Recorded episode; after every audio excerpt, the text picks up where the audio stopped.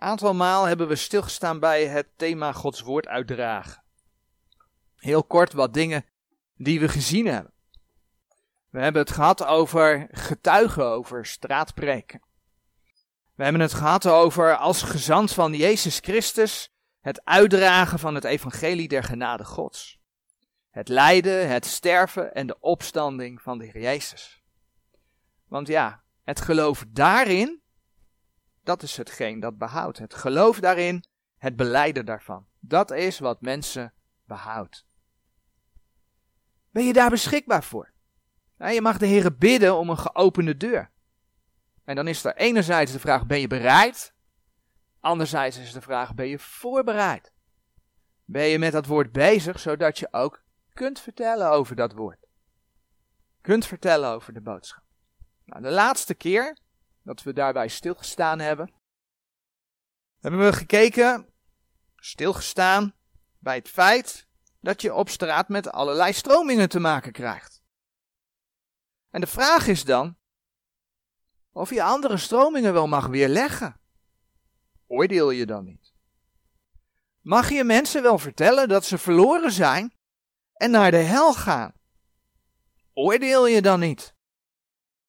Nou, er zijn een aantal versen in de Bijbel die zeggen dat je niet moet oordelen. En die versen die zijn heel erg bekend. Die worden heel snel uit de kast getrokken en gezegd van, je mag niet oordelen. Maar als je die versen in de context gaat bekijken, want meestal worden ze uit hun context aangehaald, dan zie je dat die teksten eigenlijk gebruikt worden, ja, om, om mensen de mond te snoeren, zodat ze de waarheid niet meer durven te zeggen. Want ja, je zou toch eens oordelen. En dat is helemaal niet de bedoeling van die versen. Als je naar de context van die versen gaat kijken, dan zie je dat niet oordelen bijvoorbeeld te maken heeft met het feit dat je niet hypocriet moet zijn. Je moet niet anderen gaan preken, terwijl je er zelf een potje van maakt. Denk aan de fariseeën in de dagen van de Heer Jezus. Zo is het ook niet de bedoeling dat je op de slechtheid van anderen gaat wijzen. En dat je dan vervolgens denkt, kijk eens hoe slecht zij zijn. En kijk mij eens, ik ben zo goed, ik kom er wel. Dat is ook niet de bedoeling. Want er is niemand zonder zonde. Is er niet één goed, zegt Gods woord. Dus dat zijn de waarschuwingen die de Heer in het kader van niet oordelen geeft. En dan laat de Heer in zijn woord zien. Hij laat juist zien dat zijn woorden, dat zijn waarheid gebracht moet worden. Dus als je redding wilt prediken, dan hoort daar ook de verkondiging van het oordeel bij. Want ja, waarom zou je anders gered worden? Dan hoort daar dus ook de consequentie bij dat als je niet gelooft, dat je naar de hel gaat. Waarom zou je anders gered willen worden? Wat mensen willen is gepamperd worden door een lieve God. Kijk eens wat goed jij bent. Je doet het zo goed. Je gaat naar de kerk. Ja, goed van jou zeg. Billetjes even insmeren met, met lekkere olie. Dat ruikt allemaal lekker. Dat is wat mensen willen.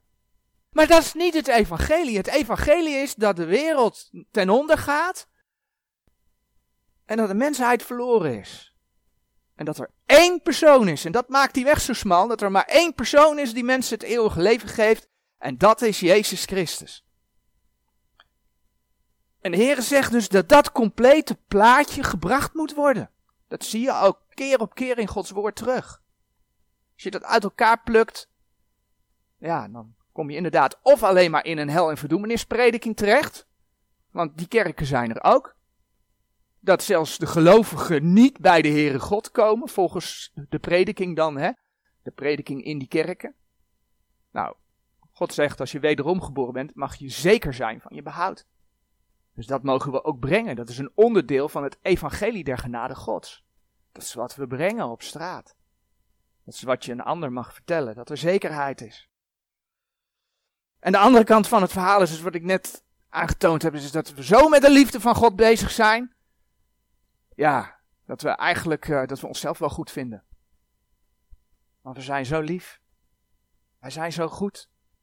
Want God zorgt voor ons. Nee, zo is het niet. Dat is niet het evangelie. Al de raad Gods moet verkondigd worden. De Bijbel laat zien dat dwaalleer weerlegd moet worden. En laten we wel wezen, als het naar de kerk gaan je niet kan redden en er loopt iemand langs en die zegt ja, ik ga al naar de kerk. Ja, dat zegt dus niet dat die persoon gered is. Dus lukt het dan om een gesprek te kunnen krijgen? Of iemand blijft staan en die gaat een vraag stellen. Ja maar, ja, maar naar de kerk gaan maakt niet dat je gered bent. Dus dwaalleer moet weer echt worden. Kinderdoop red je niet. Geloofsdoop, denk aan de Pinksterkerken, red je ook niet. Want het is een getuigenis.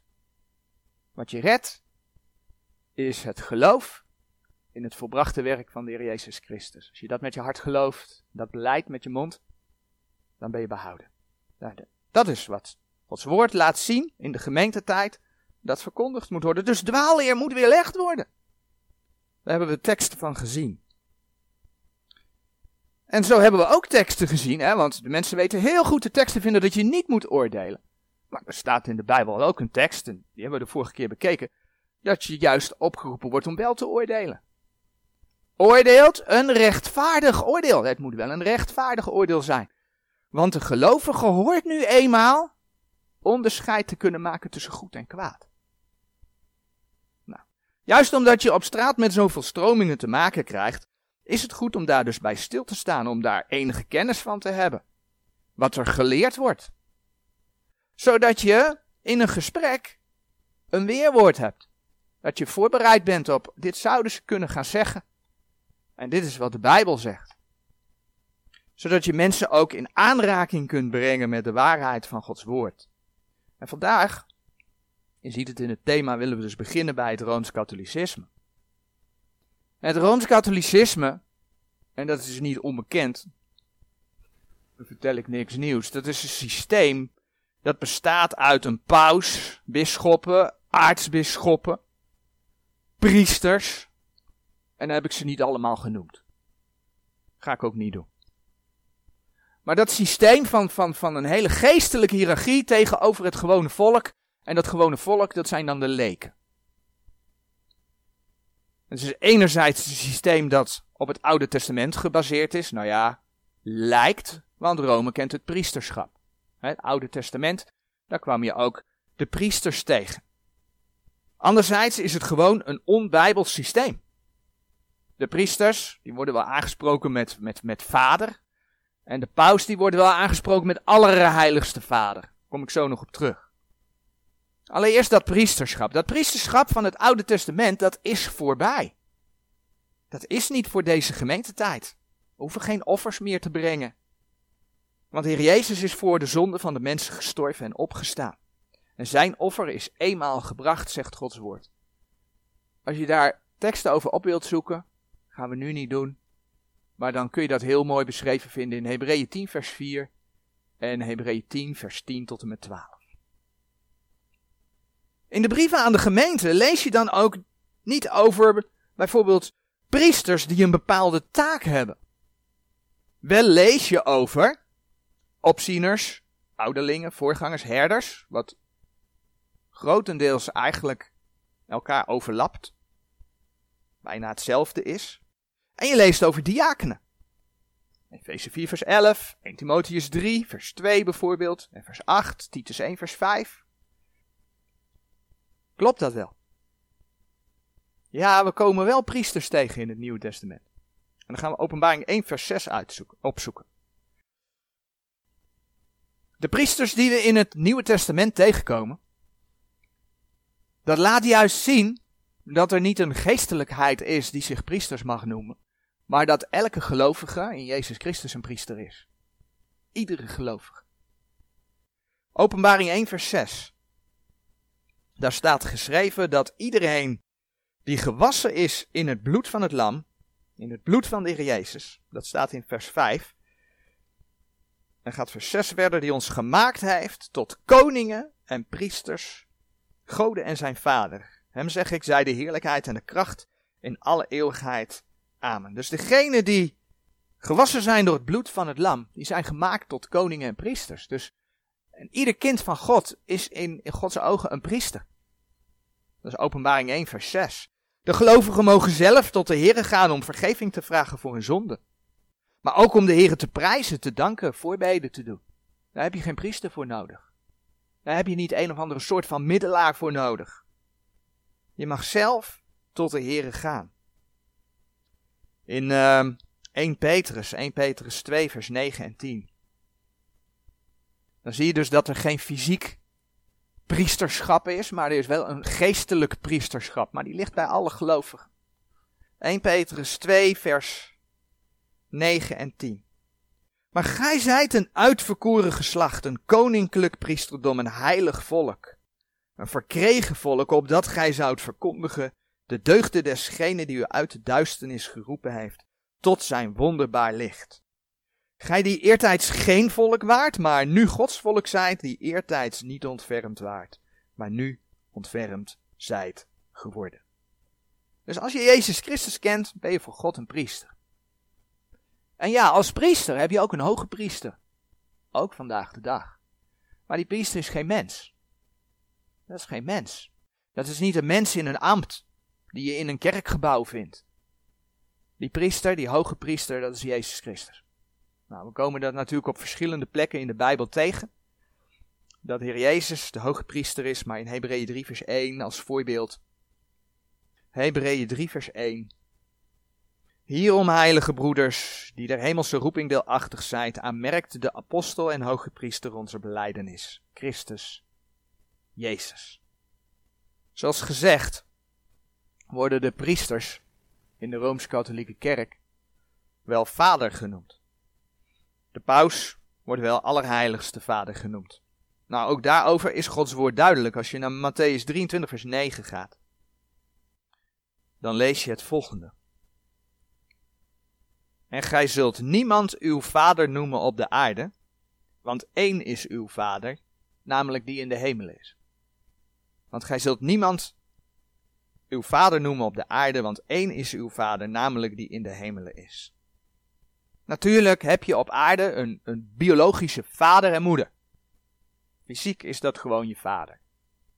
Je, je moeder niet, maar je snapt wat ik bedoel. Je moeder is fysiek je moeder en je vader is fysiek je vader. Dus daar gaat het natuurlijk niet om. Waar het wel om gaat, is dat je geestelijk gezien niemand de autoriteit van de Vader, God de Vader, over je geeft. En dat is wat je in die instituten ziet gebeuren. Komt een geestelijkheid boven en die krijgt eigenlijk de autoriteit van God over jouw leven. dat is niet de bedoeling. Daarom worden ze ook aangesproken als Vader. Als allerheiligste Vader. God wil niet dat iemand anders een, een middelaar is tussen jou en de Heer. Want er is maar één middelaar. 1 Timotheus 2 vers 5. Er is maar één middelaar. En dat is Jezus Christus. 1 Timotheus 2 vers 5. Want er is één God. Er is ook één middelaar Gods en der mensen, de mens Christus Jezus. De Heer Jezus is de middelaar tussen God en mensen. Door zijn volbrachte werk is de weg naar de Vader geopend. En kunnen wij tot hem gaan. Kunnen we priester zijn. Als je zijn kind bent, hè. Als je hem hebt aangenomen. Maar dat is dus wel wat de Rooms-Katholieke Kerk eh, doet, hè. Zich, dat de priesters zich vader laten noemen. Ik noemde het net. Maar de Heer God laat zien dat hij heilig is. En dat hij heilig is, betekent dat hij zonder zonde is. Teksten die je daarbij kunt opzoeken zijn bijvoorbeeld Habakkuk 1, vers 12 en 13. Die maken heel mooi de, de heiligheid van God duidelijk. En dan laat uh, de Heer in zijn woord zien dat de apostel Paulus, wat ons grote voorbeeld als apostel is, hè, volgt mij na in Christus, zegt, zegt de apostel Paulus, dat zelfs hij zonde kende. Zelfs hij kende zonde. Romeinen 7, vers 17. Bijvoorbeeld, Romeinen 7 geeft daar veel meer versen over. Er is op aarde geen mens die niet zondigt. En hoe zien we dan dat de Heer Jezus zijn vader noemt? toen hij op aarde was, toen, toen bad hij in het hoge priestelijk gebed. Johannes 17, vers 11. Johannes 17, vers 11. En ik ben niet meer in de wereld, maar deze zijn in de wereld en ik kom tot u, heilige Vader. Bewaar hen in uw naam, die gij mij gegeven hebt, opdat zij één zijn gelijk als wij. De Heer Jezus die bad En die sprak tot zijn vader met de naam Heilige Vader. Ja, God is zonder zonde. En dan moet je dus voorkomen dat er zo'n man in een witte jurk opstaat. En die laat zich aanspreken als allerheiligste vader. De Heer Jezus bad tot zijn vader met heilige vader. En hij claimt te zijn de allerheiligste vader. Hij verheft zich boven God. Hij verheft zich boven God. Ja, en dat is dan weer wat, wat we in Gods woord vinden. Hè? Dat is wat de duivel wilde. De duivel is gevallen doordat hij zich gelijk wilde maken aan God. De antichrist gaat zich verheffen boven alles wat God genaamd wordt. 2 Thessalonicense 2. 2 Thessalonicense 2, vers 3 en 4. Geen onbekende versen onder ons. Dat u niemand verleide in enigerlei wijze, want die komt niet tenzij dat eerst de afval gekomen is en dat geopenbaard is de mens der zonde, de zoon des verderfs, die zich tegenstelt en verheft, boven al wat God genaamd of als God geëerd wordt. Als zodat hij in de tempel Gods als een God zal zitten, zichzelf vertonende dat hij God is. Je zou daar ook openbaring 13 vers 5 en 6 bij op kunnen zoeken. De paus die doet het eigenlijk al, want die laat zich al allerheiligste vader noemen. En wat het priesterschap van de Rooms-Katholieke Kerk doet, dat is hetgeen wat de antichrist zal doen. En wat de duivel gedaan heeft. Het is gewoon godslastelijk. Dat Rome haar priesters vader noemt, laat noemen, dat komt niet uit de lucht vallen. De heer Jezus gaf er zelfs al een waarschuwing over met betrekking tot de Joodse schriftgeleerden en, en de Joodse fariseeën in zijn dagen. Maar dat kwam al veel eerder voor. Het komt weg bij de afgoderij. En daarom vinden we in het Oude Testament een voorbeeld in de stam Dan. Dan bladeren we naar Genesis. Genesis 49. Toen Jacob zijn zonen zegende, toen maakte hij een aantal vergelijkingen. Zo vergeleek hij Juda in Genesis 49, vers 9 met een leeuwenwelp. En in de context, als je dan naar vers 10 kijkt van Genesis 49, dan zie je dat daar ook een profetie in verwerkt zit over de Heer Jezus. Een leeuwenwelp, een profetie over de Heer Jezus. En dan lees je in Openbaring 5, vers 5 dat de Heer Jezus de leeuw die uit de stam van Juda is, de wortel Davids genoemd wordt. Dat is allemaal niet voor niks. Die teksten in Genesis 49 gingen over de Heer Jezus. Dat zag vooruit op de Heer Jezus. Bij de stam dan lezen we iets opmerkelijks. In Genesis 49, vers 17, daar staat het volgende geschreven. Dan zal een slang zijn aan de weg, een adderslang nevens het pad, bijtende des paards versenen, dat zijn rijder achterover vallen. Dan wordt vergeleken met een slang, maar dat is niet het enige. Dan wordt in de schrift ook vergeleken met een jonge leeuw. Als je in Deuteronomium 32 gaat kijken, Deuteronomium 33. Deuteronomium 33, vers 22. Daar is het Mozes zegen die uitgesproken wordt. En dan staat er in, in vers 22, Deuteronomium 33. En van dan zeide hij, dan is een jonge leeuw. Hij zal als uit Bazan voortspringen. Dan wordt dus vergeleken met een leeuw en met een slang. Nou, ik denk dat het bekend is hè, uit de Bijbel. Openbaring uh, eh, 12 vers 9, 1 Petrus 5 vers 8, dat de duivel vergeleken wordt met een leeuw, een briesende leeuw. 1 Petrus 5 vers 8, maar ook met een slang. Openbaring 12 vers 9. Denk aan Genesis 3. Dus dan wordt typologisch gezien als uh, de vijand van God. De stam Dan. Nou, als je dan naar de geschiedenis van de stam van Dan gaat kijken, dan vind je dat terug.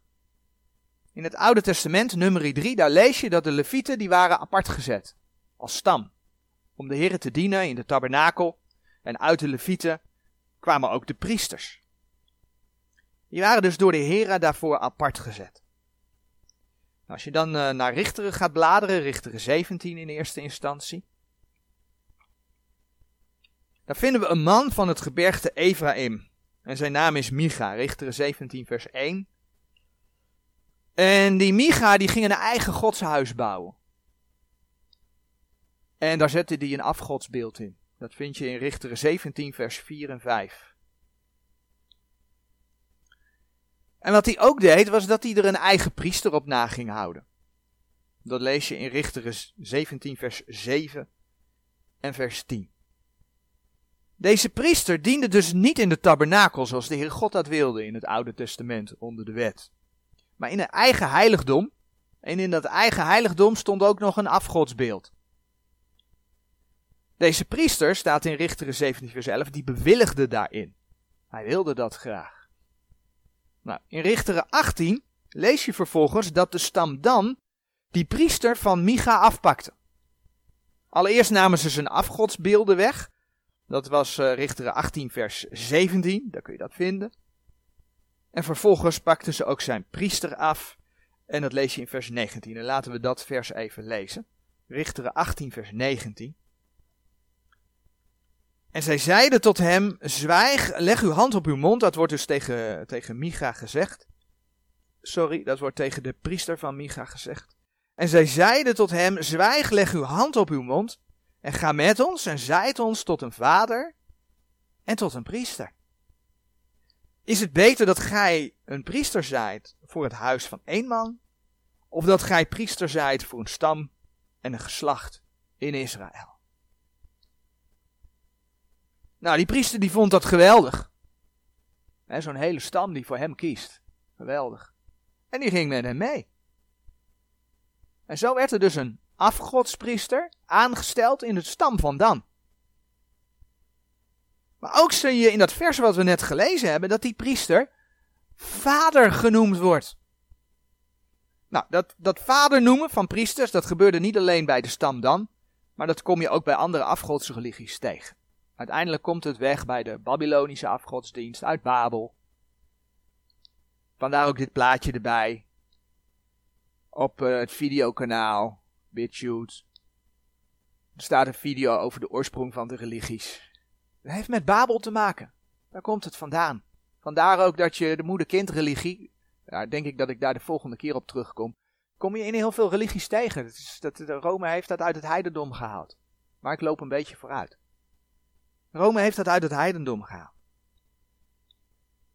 Dus het heeft met Babel, hè? Genesis 11 heeft dat te maken. Nou, in Richteren 18, vers 30 en 31 lees je vervolgens dat dan in totale afvalligheid aan de Here leefde, totdat het moment dat Israël weggevoerd werd in Babylonische ballingschap. Richteren 18, vers 30 en 31 en de kinderen van Dan richten voor zich dat gesneden beeld op. En Jonathan, de zoon van Gersom, de zoon van Manasse. Hé, hey, Manasse, dat is een andere stam. Dus ze zijn afgeweken door een eigen tempel te bouwen, een eigen priester aan te stellen. En nu hebben ze gezegd, weet je wat? Manasse kan ook wel onze priester zijn. Steeds verder bij God weg. Niks meer ermee te maken willen hebben. De zoon van Manasse, hij en zijn zonen waren priesters voor de stam der Danieten, tot de dag toe dat het land gevankelijk is weggevoerd. Alzo stelden zij onder zich het gesneden beeld van Micha, dat hij gemaakt had, al de dagen dat het huis Gods te Silo was. Hier zien we dus hoe de Bijbel zelf aantoont dat het Rooms-Katholicisme, het systeem gebaseerd is op de afgoderij. Daar komt het gewoon vandaan. En dan hebben ze ook nog dat ze Maria de hemelkoningin noemen. Ook dat komt weg bij de Babylonische afgodendienst. Ik wees er net al even op. Babylonische afgodendienst, Baalverering. Dat was daar een onderdeel van. Nou, in Jeremia 44, vers 19.